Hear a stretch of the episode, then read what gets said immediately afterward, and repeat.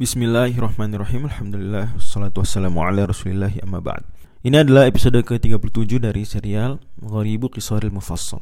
Kali ini kita akan bahas kata Alha Yang ada di surat At-Takathur Allah subhanahu wa ta'ala firmankan Alha-kumut takathur At-Takathur ini fa'ilnya dari fi'il alha-kum. At-Takathur artinya berbangga-bangga dengan memperbanyak sesuatu. At-Takathur dari kata kathir ya. Nah artinya banyak kan kathir? Alha sendiri dia fi'il dengan wazan af'ala. Berarti hamzah di depan hamzah tambahan. Tapi tetap dia hamzah qata' harus dibaca. Beda dengan al-qari'ah. Al-qari'ah hamzah di situ hamzah wasal alif lam. Jadi tidak harus dibaca kecuali kalau kita mulai darinya. Alha di sini fi'il madhi. Fi'il mudhari'nya adalah tentu yulhi. Af'ala yuf'ilu berarti alha yulhi Masdarnya ilhaan, af'ala yuf'ilu if'alan. Fi'il mudhari'nya Allah Subhanahu wa taala gunakan di surat An-Nur ayat 37, rijalul la tulhihim tijaratu wa la bay'un 'an dzikrillah wa an dzikrillah wa iqamis salati wa ita'iz zakah. Mereka adalah para laki-laki yang tidaklah perdagangan tidak juga jual beli membuat mereka lalai la tulhihim tulhi dari zikir pada Allah mendirikan salat dan menunaikan zakat.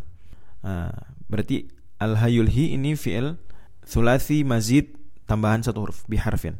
Fi'il sulasi mujarotnya apa? Laha yalhu luhiyan. Ya, artinya tersibukan dari sesuatu ya, tersibukan dengan sesuatu dari sesuatu yang lain. Umpama sibuk dengan A, lalai dari B. Nah, gitu. Makanya tepat at-takatsur tadi alha takatsur karena orang jadi tersibukkan dengan memperbanyak dan berbangga-bangga dengan memperbanyak sesuatu dari urusan dunia misalnya, lupa dari mempersiapkan diri ke akhirat. Dan isim fa'il dari laha Allah Subhanahu wa taala gunakan di surat Al-Anbiya ayat 3. Lahiyatan qulubuhum. Hati mereka tersibukkan, hati mereka lalai. Allah Subhanahu wa taala juga sebut bahwa dunia adalah wamal hayatud dunya illa la'ibun walahun. Dunia termasuk lahun.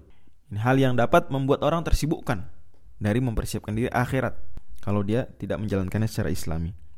Dan memang kata kerja laha ini, kata Imam Ibnu Faris, makna istiqaqinya adalah sibuk dengan sesuatu sehingga melempar yang lain. Makanya sesuatu yang menggantung di atas langit-langit warna merah itu di paling ujung itu disebut lahatun dalam bahasa Arab karena makanan dilempar ke situ. Wallahu a'lam